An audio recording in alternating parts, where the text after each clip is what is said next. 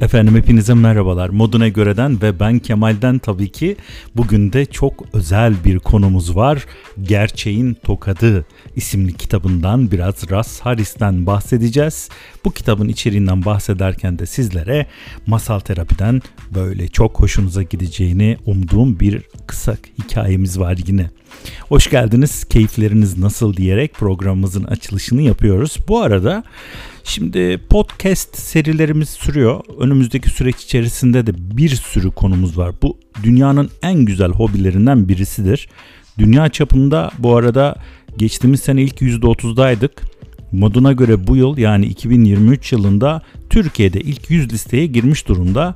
Ama şöyle bir bakıyorum e, podcast çekenlerin birçoğu maalesef hala istatistiklere ulaşılabilmiş değil ve mesela Spotify'dan bir gelir elde edebilmiş değil.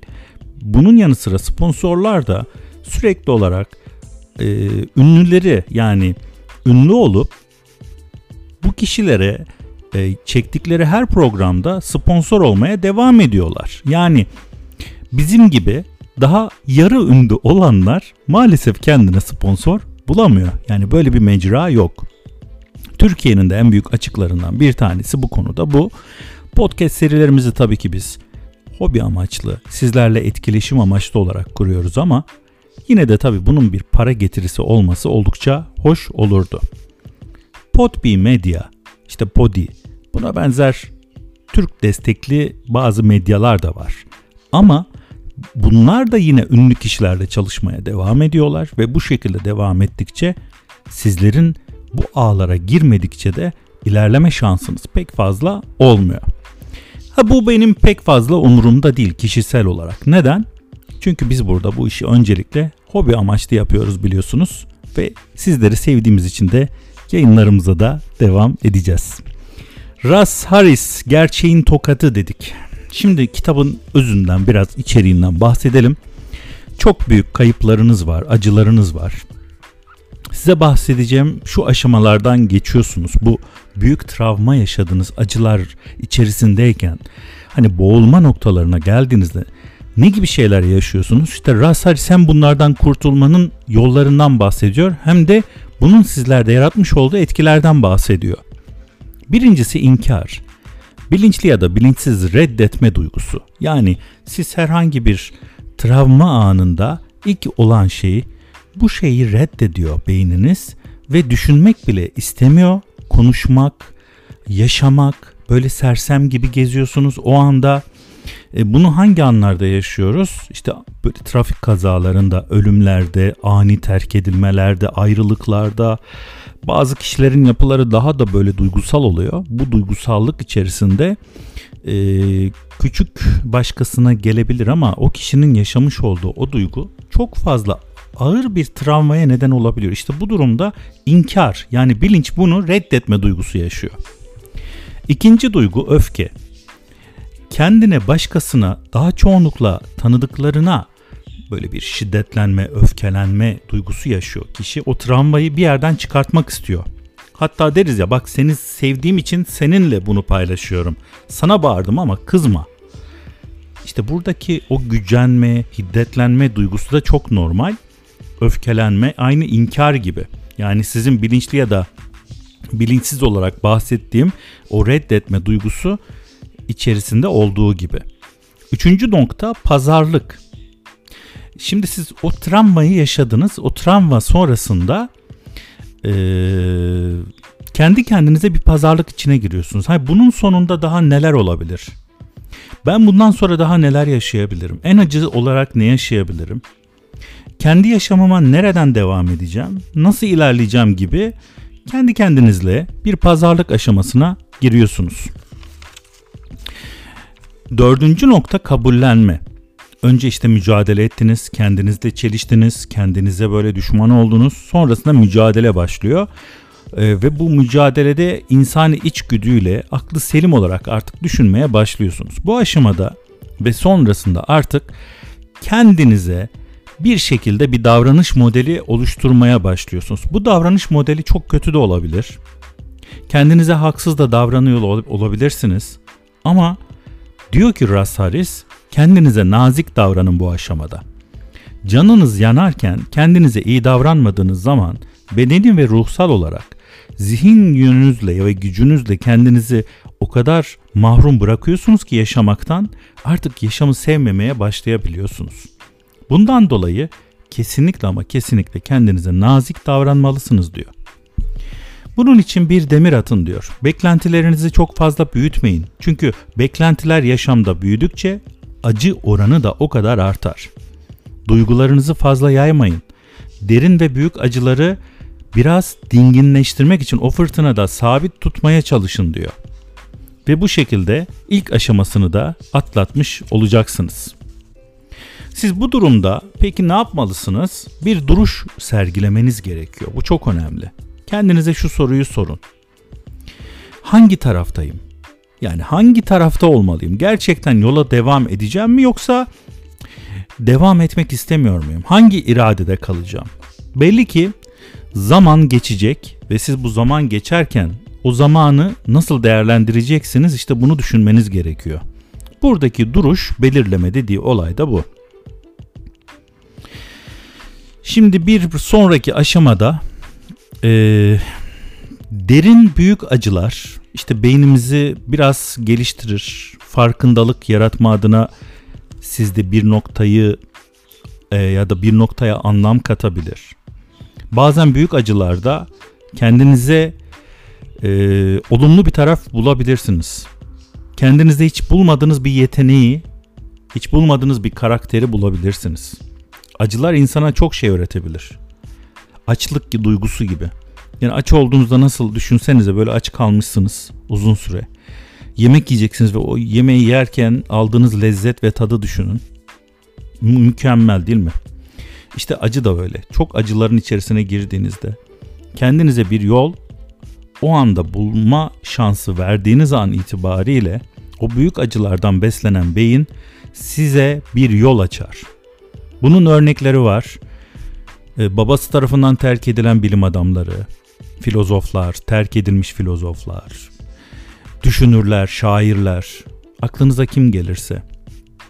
Birçok kişi bu acıdan beslenerek yola çıkmış durumda. Benim kendimle ilgili bir bu konuda olayım var. 1989 yılında teyzemin vefatıyla şiir yeteneğimi keşfetmiştim biliyor musunuz? Çok ilginç. Şiir artık yazıyordum o dönemde ve hala şiir yazarım arada. Şimdi acılı bir zamanda peki nasıl davranılması lazım? O acılı zor zaman geçiren kişiyle ilgili nasıl bir destek verilmesi lazım? Nasıl almayı seviyoruz? İşte buna yine gerçeğin tokadında değinmiş. Sarılmak, kucaklamak, elinizin tutulması, bir kolun omzuna koyulması, acınızın doğrulanması, bu senin için gerçekten çok zor olmalı diye bir söz söylendiği zaman bile o kişiyle o acının paylaşıldığını anlayabilirsiniz. Siz ağlarken karşı tarafın da sizinle birlikte ağlaması bu çok büyük bir destektir. Benim yapabileceğim bir şey var mı demek yine destek noktasında önemlidir. Acınız için yer açılması bu konuda konuşmak ister misin? Ağla rahatla demek bile birisi tarafından sizi memnun edebilir ve e, telkin edebilir. Koşulsuz destek verilmesi, sizin için yemek yapılması, işte çocuklarınıza bakım, buna benzer şeyler. İşte bunlar vefat durumlarında tabii biraz yaşanıyor. Samimiyetle senin için buradayım denmesi bile çok çok önemli. İnsan ilişkileri burada geliştirebiliyorsunuz. Bir de yine acılı anlarda söylenen sizin aslında bazen reddedeceğiniz ama çok önemli sözler var. Bu sözler aslında karşı tarafın size verdiği olumlu bir değeri gösterebilir ama manipüle de edebilir. Sana göre eş mi yok dedi örneğin. Zaman tüm yaraları iyileştirir. Ya da bunda da vardır bir hayır. Olumlu düşünmeye çalış. Durumunuz sorulur ve hemen sonra konu değiştirilir. Bu da sizin iyiliğiniz için der. İşte konuyu değiştirdim kafası biraz dağılsın. Acınızı gölgede bırakanlar da olur. Evet bak ben bu durumu çokça yaşadım. Bana da şu şu şu şu oldu. Yaşadıklarınızı geride bırakmanızı söyleyenler olur. İşte bir köprü kur, hayatına devam et, durma artık üstünde. Şimdi bu sözler aslında sizin paylaşımlarınızda şunu yaratıyor. Yani hayata bakışınızda ya da acınızda samimi gelmeyebilir. Bu o kişinin samimice o duyguyu vermek istememesinden kaynaklı değil. O kişinin bilmemesinden kaynaklı. Bazen nasıl davranacağımızı gerçekten bilmiyoruz. Acılı bir zamanda nasıl davranacağımızı bilemiyoruz. Acılı zamanda nasıl davranacağımızı bilemediğimizde e, bu da bize maalesef nahoş kelimeler ağzımızdan çıkmasına bile neden olabilir. İşte çektiğiniz acıyı önemsizleştiren kişiler de olur. Mesela Afrika'da açlıktan ölenler var. Senin yaşadığın da ne ki? Burada aslında sizi biraz e, ya bu bir hakaret gibi geliyor bana onu söyleyeyim.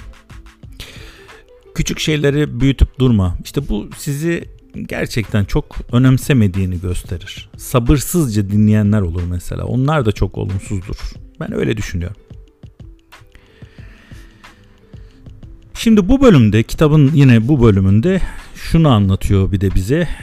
Ee, siz karşı tarafa nasıl davranmalı, karşı taraftan ya da ne gibi şeyler bekliyorsunuz bunların öneminden biraz bahsetmiş. William Shakespeare'e çok güzel bir sözü var. Bu noktada da filmi duraklatın diyor bir noktada. İyi veya kötü bir şey yoktur. Düşünmek bir şeyi iyi veya kötü yapar. Yani siz bir şeyleri nasıl düşünürseniz o şekilde ilerler. Popüler psikolojinin pek çok türünde yaygın bir inanıştır bu da. Düşüncelerimiz her nasılsa bir şeyleri iyi veya kötü kılar.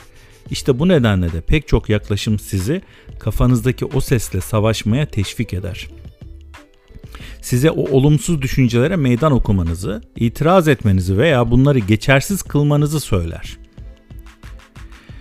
Sağduyumuza hitap eder. Kötü düşüncelere ezin ve yerine iyilerini koyun. Ancak sorun şu ki kendi düşüncelerimize savaş açarsak asla kazanamayız. Niye? Çünkü bu sözde olumsuz düşünceler sonsuz sayıdadır ve hiç kimse bunlardan kurtulmanın bir yolunu yani bulmamıştır. Tarih boyunca insanoğlu nefes alıp verme ve maneviyat arasında kuvvetli bir bağ kurmuştur. Örneğin İngilizce'de spirit ve ilham sözcükleri Latince'de spiritus kelimesinden türemiş. Ve her ikisinin de anlamı var. Ruh ve nefes benzer şekilde İbranice ruh olarak bilinen nefes veya rüzgar anlamında kullanılır. Ama aynı zamanda ruh anlamına da gelir. Psikoloji veya psikiyatri gibi kelimelerin de türediği Yunanca psiko kelimesi de ruh yani can anlamını taşır. Eski ahit Tanrı'nın insanı toprağın tozundan yarattığını ve burun deliklerinden ona hayat üflediğini söyler. Eski Yunan mitolojisinde insanın tanrı Prometheus tarafından çamurdan yaratıldığı ve sonra tanrıça Athena'nın nefesiyle ona can verdiği anlatılır. Şimdi konuyu neden bu tarafa getirdik? Burada diyoruz ki yaşayın ve serbest bırakın. Kendinizi nasıl insanoğlunun yaşadığı an itibariyle, varoluşu itibariyle, ruhun o dramatik varoluşu itibariyle ilk anından son anına kadar gidişi her bir inançta, her bir inançsızlıkta, her bir varlıkta farklı olduğu gibi siz de bunu serbest bırakın diyoruz. Çünkü inanın sizin onu serbest bırakmadığınız, onu her her zaman zorladığınız noktada mutlaka o sorun çözülmeyecek, daha da yükselecektir. Kendinizi serbest bırakın. Bu çok önemli bir unsur. Gelelim ufak bir ders. Ufak bir öykü. Masal terapiden bunu da aktaracağım. Russ Harris'in kitabını da Gerçeğin Tokadını da eğer bu kısa özetimde beğendiyseniz mutlaka okumalısınız. Şimdi masal terapiden de ufak bir öykü okuyup hemen bitireceğiz. Kısa sürede aydınlanmaya ulaşmak isteyen bir öğrenci meditasyon yapmak için bir mağaraya, inzivaya çekilmeye karar vermiş. Ustası bu kararını tek bir şartla onaylayacağını söylemiş. Şartı öğrencisinin ayda bir kez ilerlemesiyle ilgili bir not göndermesiymiş. Bir ay sonra öğrenci şöyle bir not göndermiş. Kalbimin bin yapraklı bir çiçek gibi açtığını hissettim. Usta hmm diye mırıldanmış ve notu buruşturup çöpe atmış. Bir ay sonraki notta şöyle yazıyormuş. Kalbim artık bana ait değil. Göğsümde atan, içimde var olan evrenin kalbinin küçük bir parçası. Usta yine etkilenmemiş ve hatta biraz daha hayal kırıklığına uğramış. Not yine çöpü boylamış. Ertesi ay notta şöyle yazıyormuş. Evren bana birlik dalgaları yolluyor. Bedensel kabuğumdan çıktım ve yıldızlara seyahat ettim. Usta hiç etkilenmemiş. Bundan sonra gelen notların tümü tıpkı ilki gibi ustanın hayal kırıklığıyla çöpü boylamış. Bir tanesinde evren benim aracılığımla benimle konuşuyor yazıyormuş. Diğerinde her şey bir hem bir zerre hem bir yaratıcıyım diyormuş. Bu notlarda yine diğerleri gibi çöpü boylamış.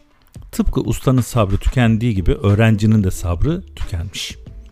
Ta ki öğrenci vakti geldiğinde e, hiçbir not göndermeyene kadar. Ertesi ayda not göndermeyince usta öğrencisine bir hatırlatma gönderip aylık yazılı raporunu sormuş. Cevap olarak gelen notta şöyle yazıyormuş. Kimin umrunda? Sonunda diye bağırmış, sonunda anladı. İşte buradaki mesaj da şu. Bazen gereğinden fazla çaba veririz. Yıkmaya çalıştığınız duvarlar, aşmaya çalıştığınız sınırlar aslında hiç var olmamış olabilir mi? Bazen ilerleme daha fazla çabayla olmaz. Bazen gereken çabalamaktan vazgeçmektir. Bunu deneyimlemeye de sizin hazır olmanız gerekiyor diyor. Evet. Evet, bugünkü podcast'imizin konusu ile alakalı olduğunu düşündüğüm hikayemizi de paylaşmış oldum. Hepinize keyifli, güzel bir yaşam diliyorum. Sağlıklı, mutlu bir yaşam. Bir sonraki Moduna Göre Podcast'te görüşmek üzere. Hoşçakalın efendim.